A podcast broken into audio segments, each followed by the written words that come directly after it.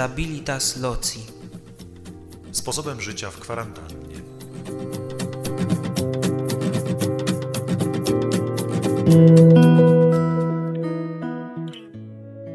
Ostatnio zaprezentowaliśmy litanie zalet, które wiążą się ze Stabilitas Loci. Dziś dla równowagi katalog trudności i niebezpieczeństw, które wypływają Z przebywania w jednym miejscu. Myślę, że wadliwe podejście do Stabilitas Loci ma takie dwa bieguny. Z jednej strony jest to źle przeżywana stałość, a z drugiej błędnie rozumiana zmienność. Stałość, która jest wartością, i chcieliśmy to pokazać w wielu poprzednich odcinkach, może zostać potraktowana bardzo instrumentalnie. Źle rozumiana stanowi pewne niebezpieczeństwo w życiu człowieka, zarówno w życiu codziennym, jak i w życiu duchowym. Egoizm we wspólnocie prowadzi do uwicia sobie własnego gniazdka, miejsca, gdzie czuje się bezpiecznie, gdzie chce być sam i to jest największe zagrożenie. Chce być sam. Zaraz do tego dochodzi zwykle wygodnictwo, segregowanie obowiązków, angażuję się tylko w to, co lubię. Te trudniejsze, bardziej skomplikowane, bardziej wymagające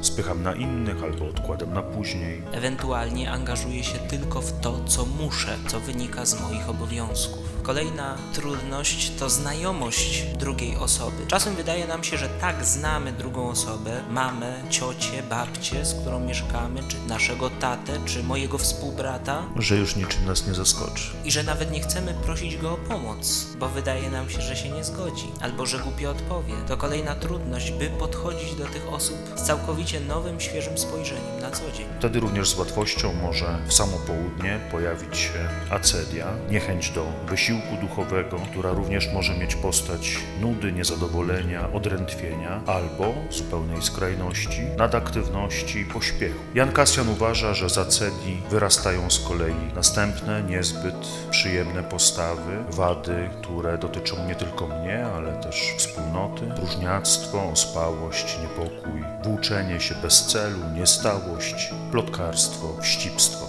Kolejna trudność w stałości to czasem niestety znoszenie siebie nawzajem, bo nie mam wpływu na to, co dzieje się z drugim człowiekiem albo gdzie on będzie przebywał akurat w tej chwili. Czasem nie chcę na kogoś patrzeć, bo ja mam zły dzień albo ktoś przysłowiowo nadepnął mi na piętę i mnie coś kuje w środku gdy go widzę. Więc jest to trudność i zmaganie się z tym, czym jest prawdziwe przebaczenie, o którym mówi Chrystus. Tak, by wyjść do drugiego człowieka i nie mieć do niego uprzedzeń, mimo swoich słabości.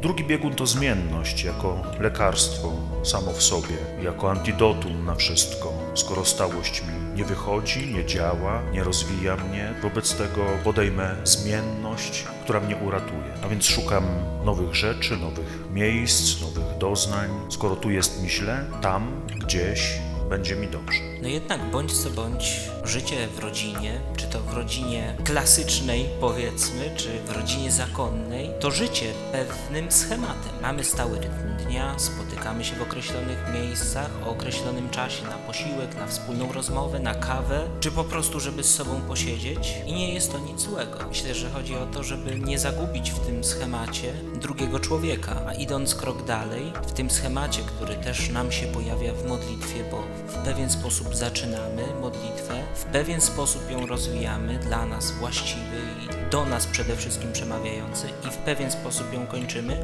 żeby w tym schemacie nie zatracić istoty, którą jest rozmowa z Bogiem, a w rodzinie spotkanie z drugim człowiekiem. Stabilitas jest wymagające, ale z pewnością nie jest to bezruch, nie jest to niedziałanie, nie jest to stagnacja. Stabilitas jest rozwojem, ale też nie jest miejscem do rewolucji. To takie podążanie, które kieruje nas ku jasno wytyczonym celom, spokojnie, systematycznie, planowo, z pełnym otwarciem się na nowości, które przynosi nam nasza codzienność. Wydaje się, że odpowiedź na te wszystkie trudności stanowi styl życia, który proponuje nam święty ojciec Filip, w końcu to jego pomysł. by żyć w pokorze, I radości, radość. i pokora.